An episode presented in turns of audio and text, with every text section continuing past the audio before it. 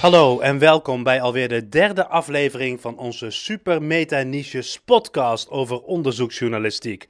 In tijden van corona niet over corona, maar wel een beetje gevormd door corona, want wij werken allemaal vanuit huis. En dus hebben we deze hele podcast aflevering in elkaar geschroefd via WhatsApp voordeel van samenwerken met Spot on Stories is naast dat het hele aardige en leuke mensen zijn, uh, dat ze voor extra handjes zorgen die heel erg veel kunnen. Uh, ze zijn heel erg compleet in het pakket dat ze aanbieden. Ze zorgen voor de inhoud, dat vinden wij natuurlijk als journalisten buitengewoon belangrijk. Maar ze zorgen ook voor de illustraties, de foto's, de graphics, de explainers op internet tegenwoordig cruciaal. Dus je krijgt een, uh, een compleet pakket aangeboden waar je alle kanten mee op kan. En dat is natuurlijk ja, is gewoon een cadeautje. Ja, en deze lovende woorden zijn natuurlijk een cadeautje op zich voor ons. En ze komen van Joris Gerritsen, eindredacteur van de Gelderlander. Nou is Joris iemand met wie wij uh, bij andere opdrachtgevers zoals Omroep Brabant in het verleden hebben samengewerkt.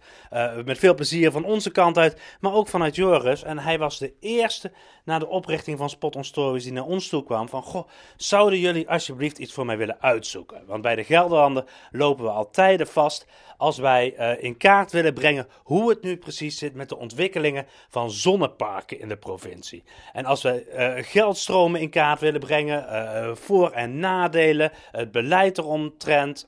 elke keer lopen we wel ergens tegenaan. En het is wel een groot onderwerp waar we graag een keertje echt mee zouden willen uitpakken. Dus um, beste dames en heren van Spot on Stories, zouden jullie dat voor ons willen doen? Nou ja, mijn eerste reactie was: poeh, als daar een complete krantenredactie uh, op vastloopt, dan uh, wordt het voor ons misschien ook wel een uitdaging. Maar uh, Bijke, wij zijn daar toen met z'n tweeën in eerste instantie ingedoken. Hoe heb jij dat ervaren van het begin af aan dan? Toen Joris voor het eerst bij ons langskwam in de salon en over het onderwerp van de zonneparken begon en vroeg of we daarin wilden duiken, wilden uitzoeken. Uh, hoe de ontwikkeling van die zonneparken in elkaar zit, wie daar wat aan verdient en of daar nieuws in zat, toen, toen dacht ik eigenlijk twee dingen. Enerzijds um, is het een heel groot, breed onderwerp waar al heel veel over gezegd is. Dus vroeg ik me af of, ja, of, of we daar genoeg nieuws in zouden kunnen vinden. Het is natuurlijk niet een super sexy onderwerp. Maar aan de andere kant weet ik ook dat het over hele belangrijke dingen gaat. Dus dacht ik, nou, laten we toch de eerste research maar beginnen en kijken wat eruit komt. En ik moet eerlijk zeggen dat toen ik aan de research begon en daar wat verder indook, al vrij snel mij duidelijk werd dat het wel echt een belangrijk, goed onderwerp was. En dat er nog ontzettend veel aspecten van niet belicht zijn, of in ieder geval niet genoeg belicht zijn. Dus um, ja, ik ben heel blij dat Joris die dag langskwam in de salon met dit verzoek. Uiteindelijk deel ik die mening met jou, bij, maar wel om een heel andere reden dan wat ik in eerste instantie had verwacht. Want waar ik in eerste instantie op aansloeg bij het verhaal van Joris, was zijn voornaamste onderzoeksvraag: waar zijn de energiecowboys? de malafide, misschien wel criminele uh, figuren die vanuit Canada, Rusland en weet ik waar hier proberen gemeenten en boeren en subsidieverstrekkers een poot uit te draaien uh, om maar een gaantje mee te pikken van die energietransitie. Um, nou ja, Tobias, jij bent later bij ons collectief uh, erbij gekomen en dus ook bij het onderzoek. Um, aan jou was de vraag, waar zijn de energiecowboys en wat is hun rol precies? Uh, jij bent erin gedoken, wat heb je ontdekt? ik heb met zeven of acht experts en ook nog losse betrokkenen gepraat, van hoogleraren tot beleidsmakers, tot bedrijven, tot omwonenden. Uh, en, en bijna niemand herkende zich eigenlijk in dat verhaal over die energiecowboys. Uh, wat de meeste experts aangaven was dat het wel klopt dat er vaak boerenland voor echt een, een, relatieve bodemprijzen werden opgekocht. Vaak boeren die het moeilijk hebben en op zoek waren naar andere inkomsten. Uh, en dat er ook in de plannen veel te weinig rekening wordt gehouden met de omgeving. En er wordt bijvoorbeeld ook veel te weinig gepraat met bewoners.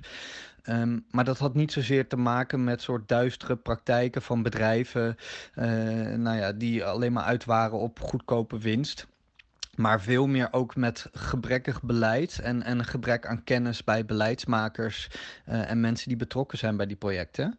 Uh, en een voorbeeld daarvan is bijvoorbeeld een belangrijke subsidieregeling waar alleen maar geld verstrekt wordt aan ontwikkelaars die zo goedkoop mogelijke plannen indienen. Want we willen zo weinig mogelijk belastinggeld uitgeven. Um, en daar kwam nog bij dat bij heel veel gemeenten uh, gewoon basale kennis ontbreekt over hoe we dit op een slimme manier kunnen doen. Ja, een voorbeeld waaruit blijkt waar zo'n verkeerde planning toe kan leiden, uh, is in Ede bij het park Nergena. Matthijs, kan, kan jij vertellen hoe dat daar precies zat? Ja, want dit is een heel bijzonder voorbeeld. Hier is namelijk een gemeente die wel beleid heeft uh, voor die zonneparken. En toch gaat er van alles mis. Bijvoorbeeld uh, omwonenden die klagen over hun uitzicht dat gaat veranderen. En die zeggen, nou, er is helemaal niet met ons overlegd. De gemeente zelf die zegt, nou, er is wel met ze overlegd. En een bedrijf dat het aan gaat leggen, dat zegt, ja, we zijn zowel met de gemeente als met die omwonenden aan het overleggen geweest. En je hebt lokale milieuwerkgroepen die zeggen van, ja, dit gaat ten koste van allerlei bijzondere vogels die hier voorkomen, maar op heel veel plekken in de omgeving en in de rest van Nederland niet meer.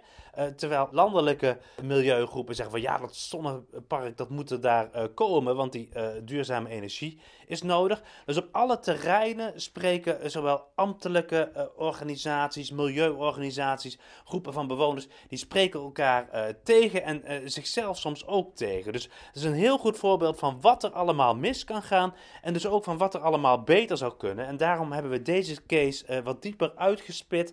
Uh, uh, we zijn heel veel in die omgeving geweest, met heel veel betrokkenen gesproken. En dat leende zich ook uiteindelijk voor een verhaal dat we op heel veel mooie, bijzondere manieren hebben kunnen vertellen. Want we hebben er video's, audioreportages en noem het allemaal maar op van kunnen maken. Waardoor we um, het hele ambtelijke ingewikkelde verhaal, hè, wat ook voor ons en voor beleidsmakers ingewikkeld is, op microniveau hebben kunnen vertellen. Op een manier die ook toegankelijk is voor mensen die niet heel diep in de materie zitten. Nou ja, vervolgens hebben we dat ook proberen uit te spitten. Want we dachten van, hé hey, ja, ook het grote verhaal is natuurlijk uh, uh, belangrijk voor niet alleen beleidsmakers en mensen die zich dagelijks bezighouden met zonneparken en duurzame energie, maar ook bijvoorbeeld voor jongeren. Dit is een thema, duurzame energie, wat ook heel veel jonge mensen aangaat, maar die lezen vaak niet de papieren krant. Um, dus toen dachten we, hoe kunnen we dit op Instagram doen? Nou, we hebben een Instagram stories gemaakt met ongeveer zeven slides, of met zeven slides. Uh, en de focus lag daarbij niet zozeer op het bestuurlijke verhaal, maar meer in het uitleggen van uh, hoeveel zonneparken er eigenlijk bij gaan komen. Uh, en proberen duidelijk te maken dat er discussie is over hoe je dit op de beste manier kan aanpakken. Um, en als ze daardoor geïnteresseerd raakten in, uh, goh, wat gaat er dan fout? Dan konden ze aan het einde van de stories, konden ze uh, in de laatste slide doorklikken naar de achtergrondverhalen. En dan konden ze daar meer lezen. Ja, en als we dat verder doorvoeren, hè, dat simpel vertellen van ingewikkelde materie, dan komen we uit bij een specialiteit van jouw bijken, namelijk het maken van animaties. En daar hebben we bij dit onderwerp heel bewust voor gekozen. Ja, tijdens het, um, tijdens het hele proces besloten we dat we ook een animatie wilden maken een uitleganimatie. Dat hebben we gedaan. En in die animatie hebben we eigenlijk uitgelegd waarom de noodzaak voor zonneparken er is. Um, uh, hoe die zonneparken er komen en waar het dan vaak gaat wringen. Um, dus eigenlijk een beetje de samenvatting van de achtergrond van ons onderzoek.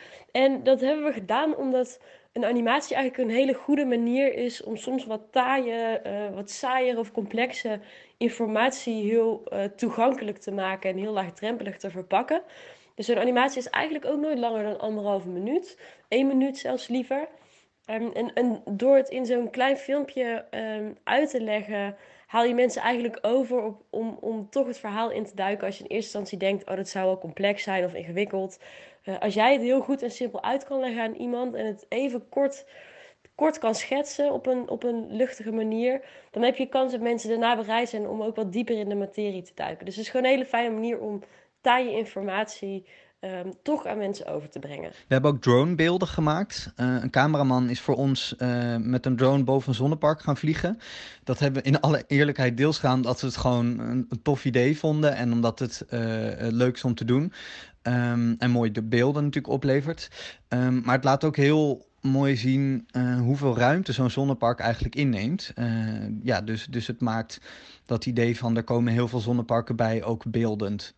En omdat we bij dit specifieke onderzoek ongelooflijk veel cijfermatige data hebben verzameld, hebben we ook heel veel tijd gestoken in hoe gaan we al die cijfers nu inzichtelijk maken voor het gewone publiek. Oftewel, hoe gaan we zorgen dat al die cijfers samen een verhaal gaan vertellen. Uiteindelijk hebben we bedacht dat we meer dan anders gebruik maken van graphics en interactieve kaarten. En de grote vraag is nu natuurlijk, uh, gaat dat ook zo werken zoals we dat bedacht hebben? En Jolien, jij bent altijd bij ons van het uh, meten en dubbelchecken of die impactdoelen die wij vooraf stellen, of we die ook kunnen realiseren. Hoe gaan we dat bij deze productie checken? Uiteindelijk is het fijne van al deze tools dat omdat het online is, je echt super specifiek in de data kunt gaan kijken van wat doen mensen hiermee? En dan hebben we het niet alleen over hebben mensen erop geklikt, maar ook um, dat je best wel gedetailleerd kunt gaan zien van um, in welke leeftijdsgroep zitten deze mensen, uh, wat is een beetje de demografie van mensen die veel klikken, hoe um, presteert een bepaalde video of een bepaalde tool ten opzichte van andere tools. Nou, super interessant, dan weet je beter wie je aanspreekt met je content en kun je daar ook weer van leren voor de volgende producties die je maakt. Ja, en over leren van onze eigen fouten gesproken, we begonnen deze podcast met de coronacrisis, die niet ons onderzoek beheerst heeft of ons onze productie, maar wel de opname van deze podcast, omdat we al deze berichtjes via WhatsApp naar elkaar heen en weer sturen en achteraf in elkaar knutselen. Nou ja, die coronacrisis die heeft ook een beetje onze uh, productie uh, rond het publicatiemoment helaas overschaduwd. Um, begrijpelijk uiteraard. Maar um, ja, is daar iets wat we daarvan kunnen leren, Jolien? Ja, weet je, we zitten nu eind half maart. Um, het gaat nergens anders over. Al het nieuws gaat over corona en over alle ontwikkelingen en alles wat er speelt. En dat is ook super logisch eigenlijk. Um, maar dat is natuurlijk niet het beste moment om een onderzoeksverhaal te publiceren. Want we proberen altijd in deze podcast ook wel eerlijk te zijn over wat gaat er goed, wat gaat er minder goed, waar, waar struggelen wij ook mee. En um, nou ja, ik denk dat misschien Matthijs of Tobias daar nog wel wat meer over kunnen vertellen. Maar dat het gewoon best wel lastig is ja, om in zo'n periode dit ook te publiceren. Want de prioriteiten liggen gewoon ergens anders. Um, en dat is ook logisch, maar het is tegelijkertijd natuurlijk ook ja, lastig om dan toch je productie echt goed weg te zetten. En um, ja, te kijken of je toch een bereik mee kan krijgen wat je ja, wat het verhaal wel verdient. Nou ja, het verhaal verdient in elk geval voor nu complimenten van de eindredacteuren van de Gelderlander. Niet alleen van Joris die ons al kende, maar ook van zijn collega-eindredacteuren die ons nog niet kenden. We zijn positief verrast met het verhaal. Ondanks dat het uh, een beetje ondersneeuwt in deze periode, zijn ze uh, gelukkig met uh, deze break in de week. Er zeg maar letterlijk met een hoop verhalen over een ander onderwerp. Wat nu misschien niet zo urgent voelt, maar de seconde dat die coronacrisis voorbij is, wel weer urgent zal zijn. Um, op dit moment gaan wij ook even een switch maken. We hadden ons voorgenomen ons nu weer volledig te storten op productie over eh, boeren bij Omroep Brabant, waar we al lang mee bezig zijn. Maar wij uh, gaan nu even heel gauw uh, met z'n drieën via een conference call vanuit huis. Want wij werken natuurlijk ook gewoon thuis als Spot on Stories journalisten. Met elkaar brainstormen over hoe wij nu iets toe kunnen toevoegen als Brabants onderzoekscollectief aan de verslaggeving tijdens en rond die coronacrisis. Wordt vervolgd dus. Doei!